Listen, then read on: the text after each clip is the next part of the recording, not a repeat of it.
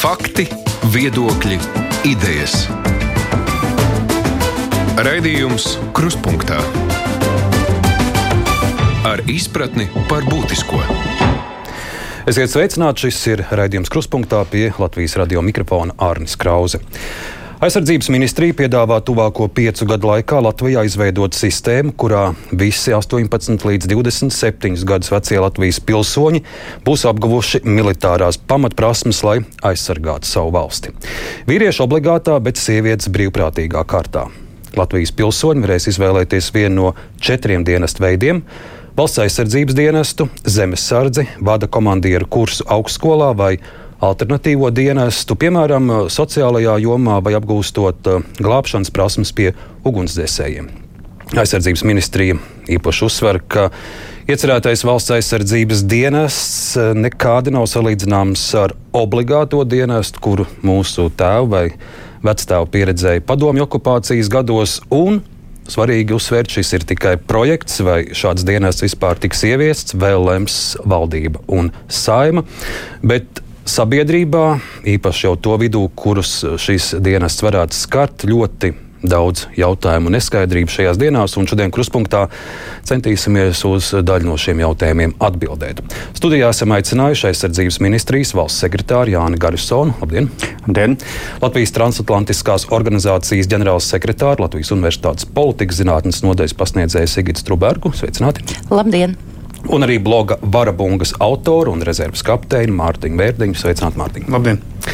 Es sākšu ar uh, ministrijas valsts sekretāru. Kādēļ šāda iecerē šobrīd tiek publiskota. Šim jautājumam es pat šodien laiku netērētu pēc 24. februāra, pēc Krievijas iebrukuma un agresijas Ukrainā. Tas ir skaidrs, bet ievadā es vēlētos no jums uh, uzzināt un saprast, cik sagatavots no ministrijas, no jūsu puses bija šis vēstījums sabiedrībai vai ministrs, ministrijas ierēģi dienu un nakti sēdēja un domāja, kā šo vēstījumu, kā tāda moderna saka, komunicēt ar sabiedrību vai Vai jums jau bija sagatavota tāda lapa ar paredzamajiem jautājumiem, kuru ļaudis uzdos? Nu, noteikti kas notiks ar mācībām, studentiem, kas notiks ar jauniesaukto, ja viņam ir uh, apgādībā vecāki, kas notiks, ja šim jaunietim ir uh, pašam bērni jau. Kas notiks ar tiem, kuriem šobrīd studē ārzemēs vai, vai strādā ārzemēs? Ļoti daudz jautājumu jau bija faktiski pirmajās stundās, kopš šī ziņa tika publiskota. Kā jūs gatavojāt, uh, kā jūs šo vēstījumu sabiedrībai gatavojāt? Jā, nu mēs pirmkārt sākšu ar to, ka pašu ideju par uh, valsts aizsardzības dienestu mēs uh, gatavojam uh, aptuveni pusgadu, uh, studējot gan Somijas, gan citus piemērus, uh, un attiecīgi arī skatoties, uh, kā tos varētu piemērot mūsu apstākļiem. Uh, tas, kas man liekas ir būtiski saprast, uh, šis te uh, paziņojums bija uh, faktiski diskusijas uzsākšanu, jo, nu, manuprāt, kas ir jāsaprot, šī diskusija ir būtiska. Jo Uh, jo mēs tā, nu, uh, Mārtiņš varam pastāstīt, lai mēs arī esam diskutējuši, bet uh, faktiski tādā plašākā sabiedrībā šis jautājums nekad nav ticis izdiskutēts. Jo, jo faktiski tas nav, ja kāds domā, ka šis tīri militārs jautājums, manuprāt, tā tas nav, jo tas ir politisks jautājums, jo faktiski maina tās arī attiecības sabiedrībā. Tādēļ tas, kas tā iecerē bija uzsākt šo diskusiju, un tādēļ arī, manuprāt, mēs redzam tagad šos daudzos jautājumus un, otra, un, un virzot uz valdību. Jau mēs attiecīgi arī precizēsim šīs detaļas, kas būtu nepieciešamas tālāk ieviešot gan,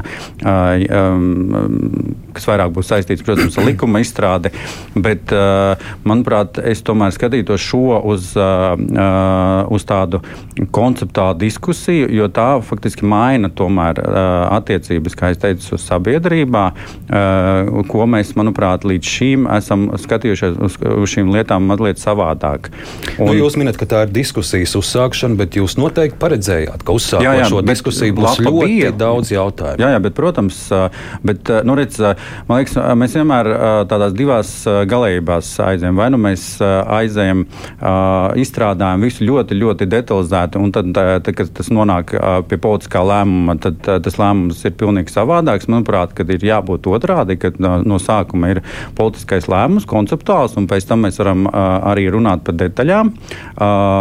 Jo īpaši skatoties, kā šī te, diskusija sabiedrībā norisinās. Nu, tās gluži nebūs detaļas jauniesaucējiem, nu, šīm Latvijas pilsonim, kurus skars šis jaunais regulējums, viņam ir jāsaprot, kas notiks ar manām mācībām, kas notiks ar manu bērnu, kas notiks ar varbūt manu māmu un tēti, kuriem es esmu vienīgais apgādnieks, ja es esmu šobrīd ārzemēs.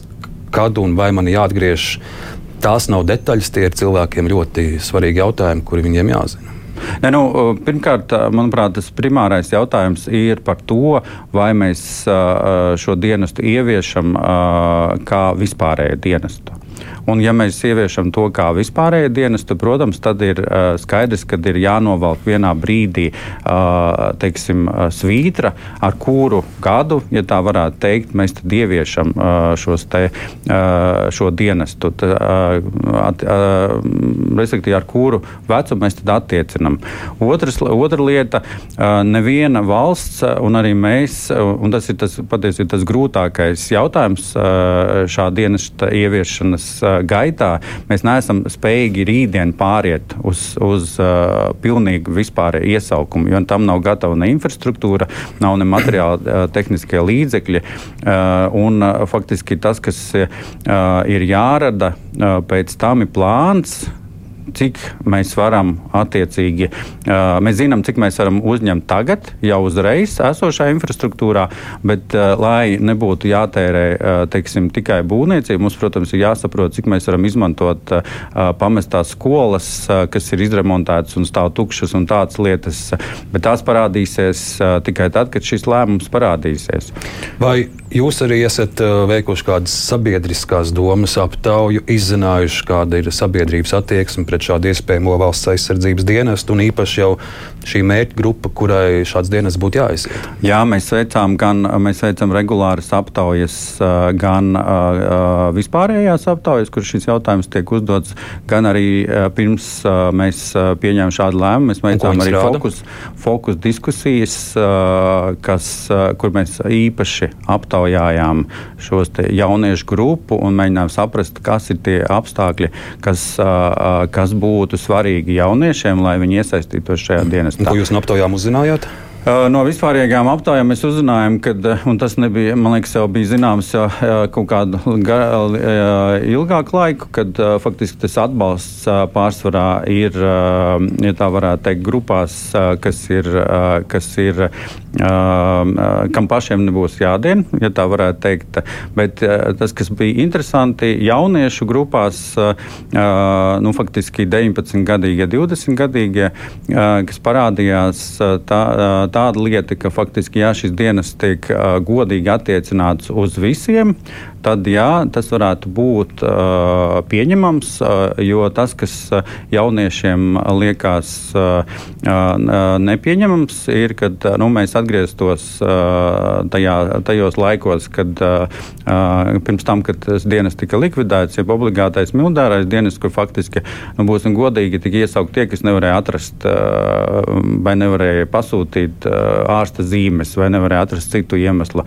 Un tādēļ arī uh, mūsuprāt, šis bija ļoti būtisks uh, apsvērums arī no, no daudziem citiem uh, aspektiem, tā skaitā no tā, ka mums jau vajadzīgi arī uh, tie jaunieši, kas ir gudri ar matemātikas spējām un tam līdzīgi, ne tikai tie, kas, kas ir spējīgi uh, izpildīt fiziskos normatīvus. Es iesaistīšu arī mūsu pārējos šīs dienas sarunas dalībniekus, Sigits Trubergu un Mārtiņš Vērtiņš. Uzprāt, šis pirmais vēstījums sabiedrībai, tad ministrs Pabriks iznāca preses priekšā un par, par šo paziņoja. Cik uh, šis vēstījums bija apdomāts, pārdomāts, cik viņš bija tieši šajā brīdī un laikā vietā? Uh, komunikācijā sabiedrība, cik tā bija skaidra un saprotama. Īpaši jau tiem, uz kuriem tas viss attieksies. Sigita, sākšu jums. Uh, jā, nu, pirmkārt, tas, kas manī personīgi radīja pirmās bažas, bija priekšvēlēšana tūms un veids, kā šī informācija tiek pasniegta. Līdz ar to radās jautājumi par to, vai nebūs politiskie spēki, kas mēģinās šo savā ziņā privatizēt un uz to nest savu priekšvēlēšanu kampaņu. Tāpat eh, arī tagad dzirdot par to, ka nodoms bija uh, sākt diskusiju, uh, iespējams, ka mm, tas vēstījums varēja būt primāri par to, ka mēs uzsākam diskusiju, nevis mēs sniedzam iniciatīvu un par detaļām runāsim vēlāk. Tomēr ir jāsaka, ka Eh, tas noteikti ir ļoti nozīmīgs solis valsts drošības stiprināšanā, un neapšaubām šī diskusija ir vajadzīga. Eh, tomēr vienlaikus eh, atkal jau dzirdot šodien izskanējošo, ir vairākas bažas, tā skaitā par to godīgumu, jo, diemžēl, vārdos mēs iestājāmies par godīgumu, bet eksāmenu, tas, cik aktīvi jaunieši šogad lika eksāmenus, piemēram, manuprāt, parāda to, to gatavību pašiem arī godīgi rīkoties rīkoties. Ja, ja mēs paskatāmies, cik tad ārsta zīmes bija saņemtas, lai nekārtotu eksāmenus, tas uzreiz, vismaz man, uh, liek to attiecināt arī uz to nākošo situāciju un rada jautājums par to, kā mēs rīkosimies, lai nerastos šīs no vienas puses ir deklarētās vērtības, mēs esam patrioti, mēs iestājamies uh, par, uh, par valstiskumu un tā tālāk, un tad ir praktizētās vērtības, mēs izņemam zīmes, lai nav jākārto eksāmeni, mēs jau domājam, pirms ir sākusies diskusija, mēs jau domājam, kuri būs tie, kas paņems tās zīmes. Ja? Tas ir tas, par ko jaunieši jau domā. Un, un, un tas rada zināmas bažas, bet tas rada kopējās zināmas, tad, kopējās bažas par to um, jauniešu, un ne tikai jauniešu, uh, atbildības uh, uzņemšanās gatavību kas pastāv sabiedrībā. Jo faktiski tas, ko mēs redzam no citām sabiedriskās domas aptaujām, ir, ka no vienas puses mēs sagaidām, ka NATO, NATO mūs aizsargās. Mēs tā kā pilnībā pārliekam to atbildību, ka rekur ir uh, paplašinātā klātbūtne. Viņi mūs aizsargās, viņi ir tie, kas nodrošinās mūsu drošību. Bet no otras puses, mēs paši tā īsti neesam gatavi. Un, un tas, man liekas, ir tas svarīgais, kas ir jāienes šajā diskusijā. Ir jautājums par katra paša atbildība. Un pagaidām es to tik daudz neesmu dzirdējusi, cik šobrīd, šobrīd šis paziņojums ir raisījis tiešām cita veida jautājums. Kaut gan man liekas, patriotisms, ikviena paša atbildība par šīs valsts drošību ir tie galvenie aspekti, ar ko šī diskusija ir jāsāk. Nu, mums arī šajā diskusijā droši vien svarīgi uzsvērt, ka ne jau visi jaunieši šobrīd sāk gudrot un schēmot, kā nu viņi varētu dabūt kādu ārsta zīmi vai kā viņi varētu izvairītos. Es pats esmu dzirdējis un lasījis. Daudz jauniešu komentārus, kur kaut vai rīt jau ir gatavi doties uh, un, un uh, iziet apmācības kursus šādā dienestā, bet droši vien šeit bija arī svarīgi, piemēram, ja šajā pirmajā preskonferencē būtu arī Nu, ja es būtu tajā vecumā, ka man, piemēram, nākamgad būtu jāiet, es gribētu, nu, tagad ir moderna visādiem video rullīšiem. Piemēram, parādīt, nu, kā tas dienests izskatītos, kā tas notiek Lietuvā, kāds notiek Igaunijā vai Somijā, kur vairāk kārt piemin, ka man būtu acu priekšā, ka ka kas tas būtu, kādas būtu tās apmācības, kāda būtu tā kārtība. Tas jau varbūt arī noņemtu virkni jautājumu. Mārtiņ, es redzu arī jūsu blogā Varabungas arī tur ļoti spraigas diskusijas. Tad. Jā, ļoti spraigas diskusijas, bet jāsaka, atgriežoties pie jūsu jautājuma, tad mēs šo lēmumu gaidījām, bet gaidījām mēs viņu vismaz, vismaz desmit gadus. Un tagad beidzot sagaidījām, uh, lai gan nu, tas pēdējais posms, ja pirms paša tā paziņojuma, ja, bija mums diezgan negaidīts, jo kopumā viss diskurss bija par to, ka tomēr, laikam, tomēr ne. Bet uh, tā kā šajā ma manā informatīvā burbulī vairāk apgrozās cilvēki ar šādu militāro pieredzi, tad uh, mēs vienkārši skatāmies uz mūsu bruņotajiem spēkiem mazliet tā kā no malas, jā, abstrahējoties, vērtējot spējas un nespējas, kādas ir uz, šodienu.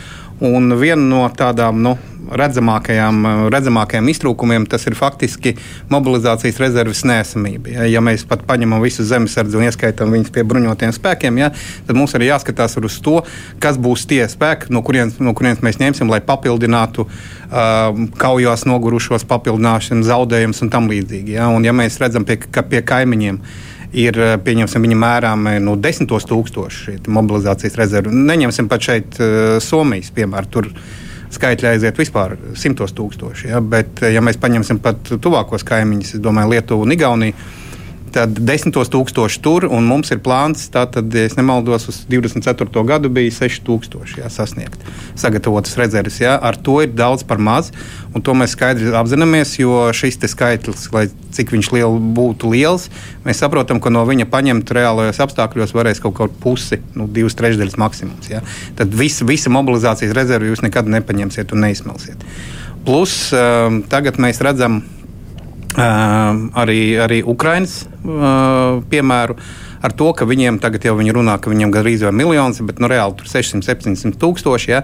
Lielākā daļa no viņiem nav profesionāli dienas karavīri. Lielākā daļa no viņiem ir sagatavoti rezerves karavīri, kuri ir sagatavoti iepriekš. Vai nu viņi dienējuši profesionāli dienestā, vai nu viņi izgājuši nu, to, ko viņi sauc par obligāto militāro dienestu, bet mēs nesaucam.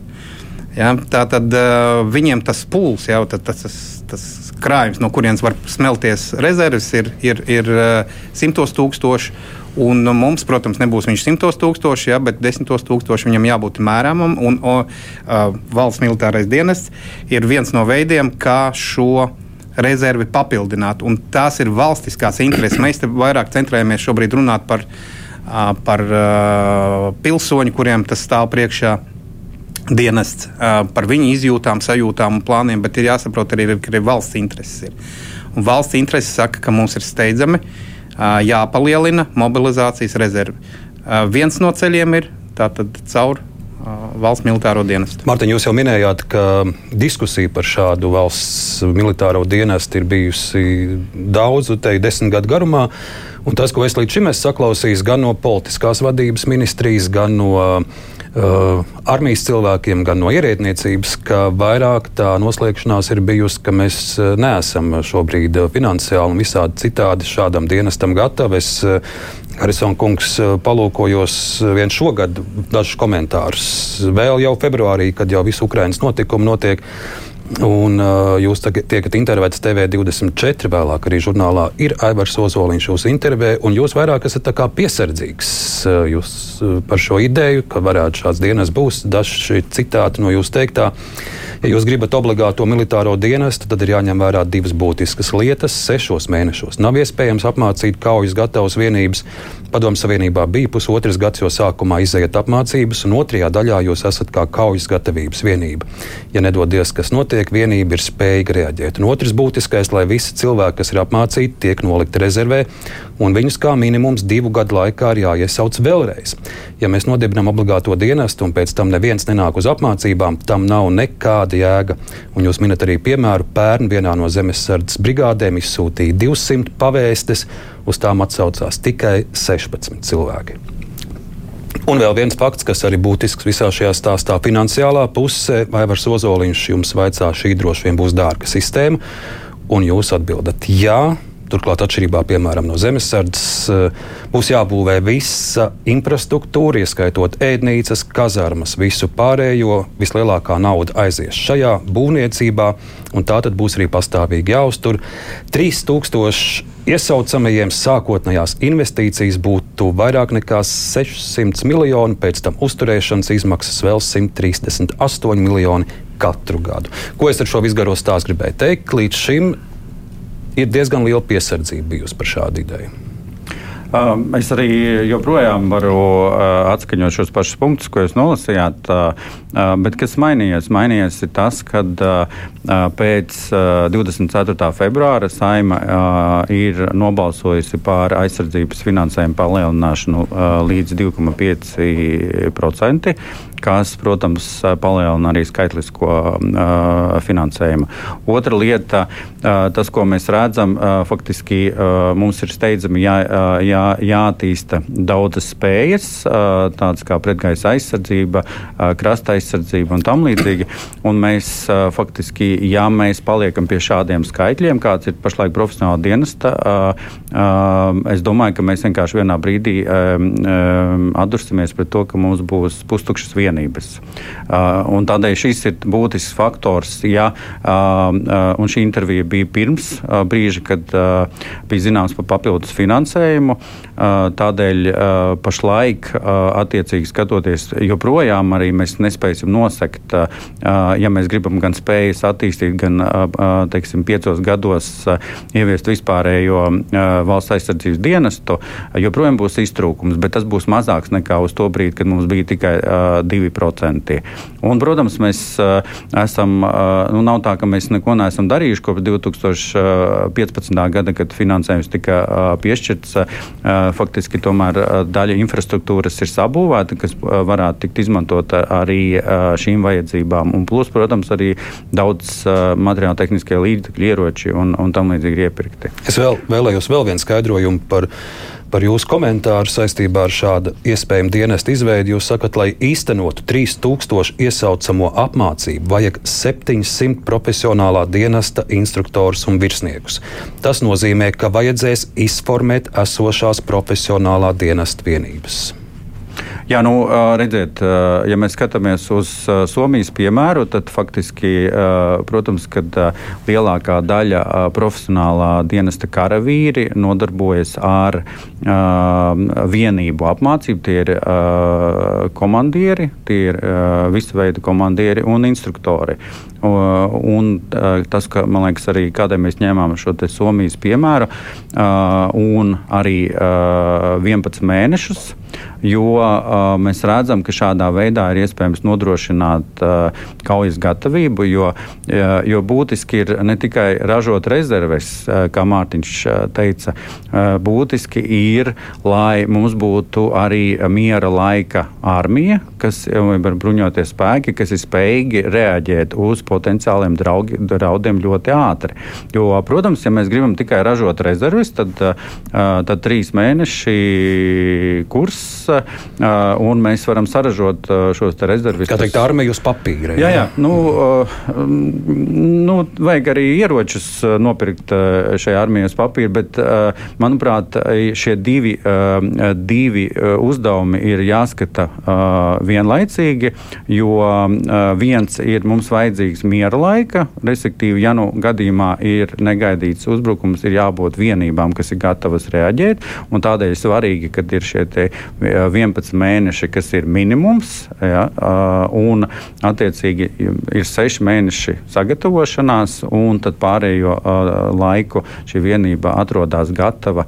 Un, un tikmēr ir otra rotācija, kas apmācās, un tādā veidā notiek šī rotācija. Bet otrs ir, protams, šī rezervi ražošana. Kamēr šīs rezerves vēl nav, lai ļaudīm būtu skaidrs, cik lieli ir tie mūsu Latvijas spēki, nedodies rīt no rīta kaut kas notiek cik daudz ir tādu ļaudis, kas ir uh, gatavi uzreiz uh, liet, likt lietā visas savas prasmes, kur viņi apguvuši. Viņiem ir forma, viņiem ir ierocis, cik tūkstoši tādu. Tie ir aptuveni 7000 profesionāla dienas karavīri, ir uh, pašlaik jau 9000 zemesardze un aptuveni 5000 rezerves karavīri. Kopā līdz 20 000. Sakiet, es jums vēlējos vaicāt, droši vien svarīgs vēstījums būtu tiem, kurus šāds dienests varētu skart, ka uh, ne jau tikai ar ieroci rokās tu vari aizstāvēt savu valsti un Ukrainas uh, piemērs to šobrīd arī parāda. Valsts aizsardzībai ir vajadzīgi arī zinoši inženieri, dronu piloti. Mēs redzam, ka tās cīņas Ukrajinā jau bieži vien nenotiek gluži kā Otrā pasaules karā, bet, bet ar modernu tehniku, modernas tehnikas pārzinātāji. Glābēji ir vajadzīgi, mediķi ir vajadzīgi. Un, um, un būtu labi, ja mūsu jaunā paudze visu šīs apmācības apgūtu. Jā, noteikti būtu ļoti labi, ja tās apgūtu. Ir jāatzīst, ka uh, Darbs, kas ir veikts līdz šim, patiesībā var kalpot par labu pamatu tālā, tālākai šo rīkoties spējīgo cilvēku apvienošanai. Atcerēsimies to, kas ir izdarīts šobrīd, lai vidusskolās runātu par drošības jautājumiem. Tur ir gan daudz jau sasniegts, un es domāju, Un ceru, ka to, ka, ka, š, ka vidusskolās eh, šīs apmācības tiks paplašinātas. Nākošais ir tas, ka zemesardzes, faktiski zemesardzes komunikācija šai ziņā ir bijusi veiksmīga, jo zemesardze ir stāstījusi par to, ka tas nav tikai iesaistīties zemesardzē, nenozīmē tikai domāt par dzīvošanu tranšajās mežā. Ja? Un tāpat ir jāsaka, ka man liekas, ka tieši šāda veida saruna ir tas, kas tālāk ir vajadzīgs tūlīt. Jo tas, ko mēs redzam no šī pirmā vēstījuma, ja, ir, ka tas, kas ir pieminēts, ir mehanizētā kaujinieku vienība un tā, kas ir tam pirmajam posmam, bet tālāk īsti nav. Un, un tāpēc man liekas, ka šeit varētu šo stāstu noteikti likt, balstoties uz Ukraiņas piemēru. Jo tas, kas man lika pēc, pēc kara, kara tādas intensifikācijas, jo karš faktiski iet no 2014. gada, um, tomēr no 24. februāra gan man, gan daudzām manām kolēģiem bija jautājums, ko varētu darīt mēs. Un mēs neesam saņēmuši šīs atbildes, jo, jo no vienas puses ir šis aicinājums, ja sievietes brīvprātīgi, bet mums ir nedaudz cits vecums, vairs ne līdz 27. Mums nav iespējas iesaistīties uz vairākiem mēnešiem, ņemot vērā ģimenes, bērnus, darba pienākumus un tā tālāk. Un man liekas, ka šī ir niša no vienas puses tērauds kundze. Atkal jau es baidos, ka zināmā mērā iespējams priekšvēlēšana priekšvakarā, bet tomēr to, ko tērauds Nedaudz kundze aktualizē, ir vēl viens tāds būtisks aspekts par sieviešu lomu, ko, ko arī noteikti vajag diskutēt. Tāpēc uh, ir daudzi. Uh, to arī aspekti... valsts prezidents šorīt intervijās aktualizēja. Ļoti labi, ka jūs to pieminat, jo, nu, re, kā sanāk, mēs 15 minūtes jau runājam par valsts aizsardzību un tikai 15. minūtē pieminam sievietes. Un tā tas nedrīkst būt. Skaidrs, ka arī jādomā, kā, kā, kā visus sabiedrības pārstāvus šajā stāstā iesaistīt. Nu, tieši tāpēc uh, es arī pieminēju sākotnēji tos labos soļus skolā, arī meitenes klausās. Ja? Bet, uh, bet pilnīgi noteikti ir nozīmīgi šo, šo diskusiju ar niansēm paplašināt un padziļināt. Tas ir tas svarīgais. Šai ziņā, starp citu, mūsu organizācija ir uzsākusi vairāk, nu, vienu lielāku programmu ar vairākām aktivitātēm, kurā, kurā Mēs tieši runājam par sieviešu lomu drošības nodrošināšanā. Mums ir gan mentoringa programma, gan arī mēs veidosim, jau šobrīd strādājam pie filmas par sievietēm armijā, lai sievietes iespāj, iespējot un stāstītu sievietēm par to, kā stereotipiem par to, ka sieviete nevar būt armijā, vai tas nav savienojams ar sievišķību, vai tas nav savienojams ar ģimenes dzīvi, ka, ka nu, tās ir aplamības. Bet šis ir tiešām vēl tāds pamatīgs darbs, kas ir jāstrādā. Mārtiņ, ja jūs būtu komunikācijas galvenais atbildīgais šobrīd uh, Latvijas armijā vai aizsardzības ministrijā, kādi būtu tie jūsu galvenie vēstījumi, ar kuriem jūs nāktu klajā, lai uh, uzrunātu Latvijas sabiedrību, lai sabiedrībai un īpaši jauniešiem, uz kuriem šis viss attieksies, izskaidrotu, kādēļ mums Latvijai tas ir tik svarīgi šobrīd? Es, nu, vienu daļu es jau esmu pieminējis, otru daļu pieminējis Jānis. Viņš teica, ka nepieciešama arī regulāra armija. Tas nozīmē, ka, kas ir uz sitienu pieejama un kas atrodas augstā kaujas gatavībā. Bet es, laikam, bet es vairāk domāju, kas ir jā, tie vārdi, ar jā. kuriem jūs uzrunātu Latvijas jā. jauniešus, izskaidrojot, kādēļ viņiem šāda apmācība ir jābūt. Es būtu viņam pajautājis, kāpēc lietuvieši var, igauņi var, mēs kaut kā tomēr meklējam kaut kādus aplinkus ceļus, ja 21 dienu kursus, ja, un, un kaut ko tādu. Ja, jo kainieku karavīru profesija. Ja, viņa prasa... Ziniet, jaunietim tā nebūs atbilde, kāpēc lietuvieši var, kāpēc igauni. Nu, parādīju... Viņiem vajag kādus tādus daudz uzskatāmākus, skaidrākus vēstījumus. Vai tas būtu kāds Ukraiņas piemērs vai, vai, vai, vai kas nu, cits? Nezinu, vai Ukraiņas piemēri šobrīd būtu tie, tie labākie. Es nezinu, es viņiem rādītu, laikam vairāk, vairāk orientētos tieši uz kaimiņiem, tieši uz Lietuvu, nevis uz Somiju. Jo viņi mums arī šis modelis, kas ir izvēlēts šobrīd, ir diezgan tuvs Lietuvas modelim. Un varbūt uz Skandināvijas valstīm rādīt uz piemēriem, kā izskatās šis dienas, ka viņš pats no sevis nav ne laika nosišana, ka tā ir vērtīga, vērtīga zināšana iegūšana tam brīdim. Kad, ja nedod Dievs, pienāks tā kā Ukrainā, šis jauneklis izdomās, ka viņš tagad ir patriots un viņš tagad grib ar ieročiem rokās, kā viņš daudzās aptaujās ir solījis, doties aizstāvēt valsti. Bet tad parasti ir otrs jautājums, ko tu proti. Ja? Jo ar vienu gribēšanu ir daudz maz. Tas nozīmē, ka tas, ko piedāvā šobrīd šis valsts militārais dienests, tur gan ir daudz vēl jautājumu, es pilnīgi piekrītu. Ja. Tas, ko viņš piedāvā, viņš piedāvā apgūt kainieku kareivi profesiju. Un tā ir profesija. Bet Ja drīkst, varbūt es uh, papildināšu, kādēļ mēs, uh, es saprotu, ka vien, uh, kad, uh, vienmēr gribētu labāku komunikāciju, bet man liekas, tas fundamentālais jautājums, uh, kas mums ir jāatbild pirms mēs ieviešam, uh, un katram tas jāatbild ne tikai, uh, ne tikai aizsardzības sistēmai vai ne bruņotiem spēkiem, bet jāatbild katram, vai tad mēs uh, pieņemam to, ka tā ir katra pilsoņa atbildība iesaistīties valsts aizsardzībā. Man liekas, tas ir primārais, uh, primārais jautājums, kas jāatbild katram no mums. Ja mēs uz šo jautājumu atbildam, tad mēs varam iet tālāk. Manuprāt, eh, mēs brīžam eh, mēģinam no, teiksim, to diskusiju novirzīt uz kaut kādām detaļām, un es saprotu, tās detaļas ir būtiskas, bet šajā gadījumā mēs tomēr mainam kardināli vispār kopējo koncepciju. Un, kas ir bijusi, jā, es Sigitai piekrītu, tas ir bijis tāds, re, kur jūs tur pāris, jā, pāris, kas ejat aizsargāt, un man, es atzīšos, arī sieva kad es eju uz bieži vien pirms Ukrainas, kad ir gāju uz mācībām, viņi prasīja, kādēļ tev tas ir vajadzīgs, lai dara kaut kāds cits to.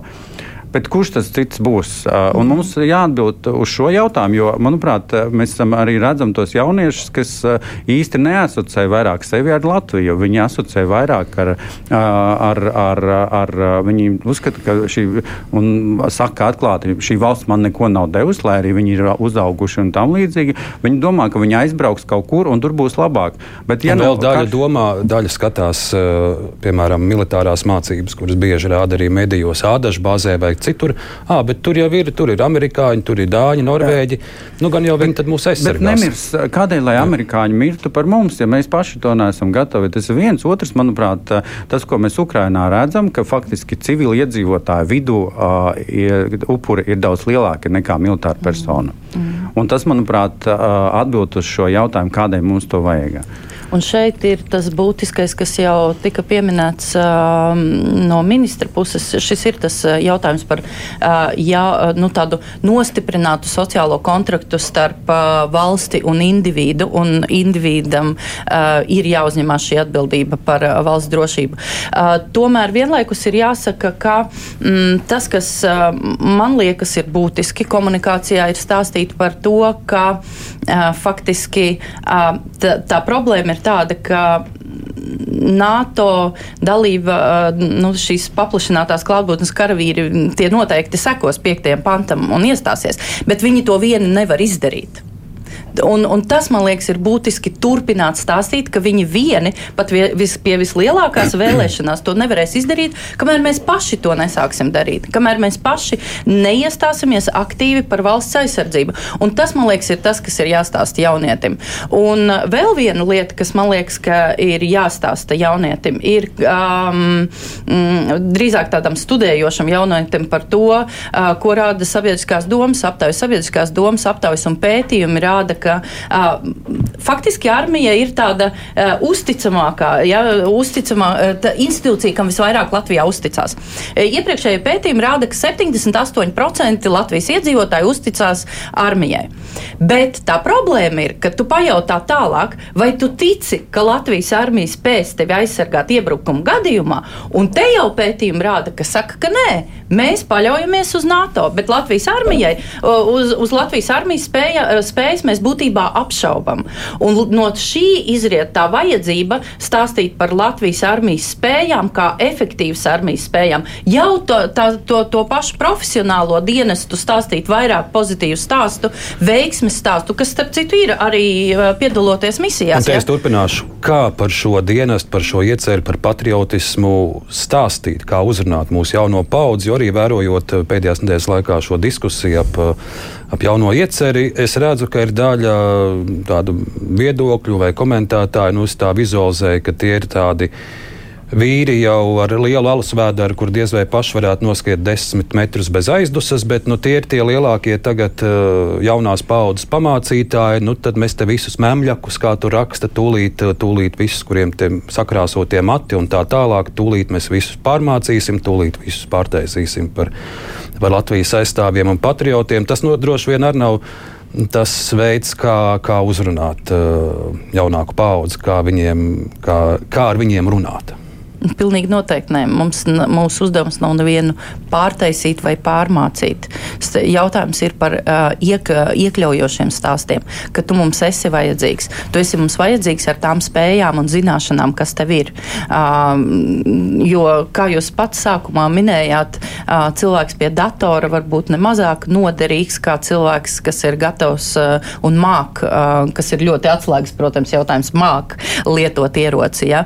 Uh, bet, uh, nu, tieši tāpēc man liekas, ka šie iekļaujošie stāsti, iekļaujošie vēstījumi ir ārkārtīgi nozīmīgi. Bet tas ir jautājums par to, kā tiks paplašināta tālāk šī diskusija, stāstot par tiem sektoriem, kuros jaunieši varēs apmācīties un praktizēties. Es skatos, arī e-pastā ļaudis ļoti aktīvi iesaistās un komentē mūsu sarunu, nolasīšu Jāņa rakstīto, pajautājiet lūdzu saviem viesiem, kā tiek, tiks domāts tik galā ar tā saucamo Džedovšķinu. Es dienēju 2000. gadā Latvijas armijā obligātajā dienestā, un man toreiz teica, ka nebūs Džedovšķina, bet bija pavisam savādāk, tikām nežēlīgi sisti, vecāki iesaukumi, pastāvīgi reibumā, naudas atņemšana un draudi.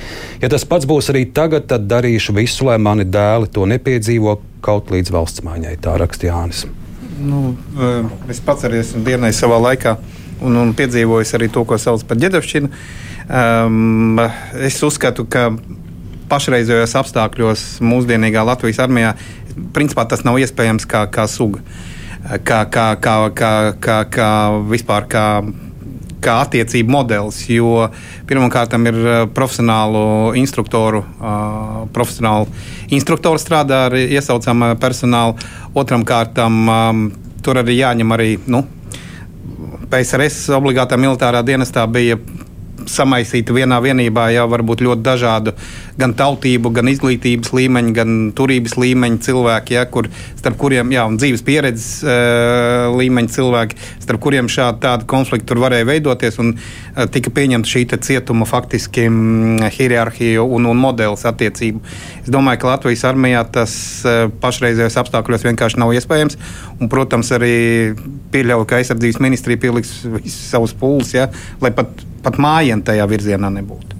Nu, un te ir vēl viena būtiska lieta, ka paši jaunie cilvēki ir pilnīgi citi to, ko jaunie cilvēki bija gatavi pieņemt uh, padomu laikā vai 2000. gadu sākumā, šobrīd jaunieši vienkārši to nepieņems kā normu.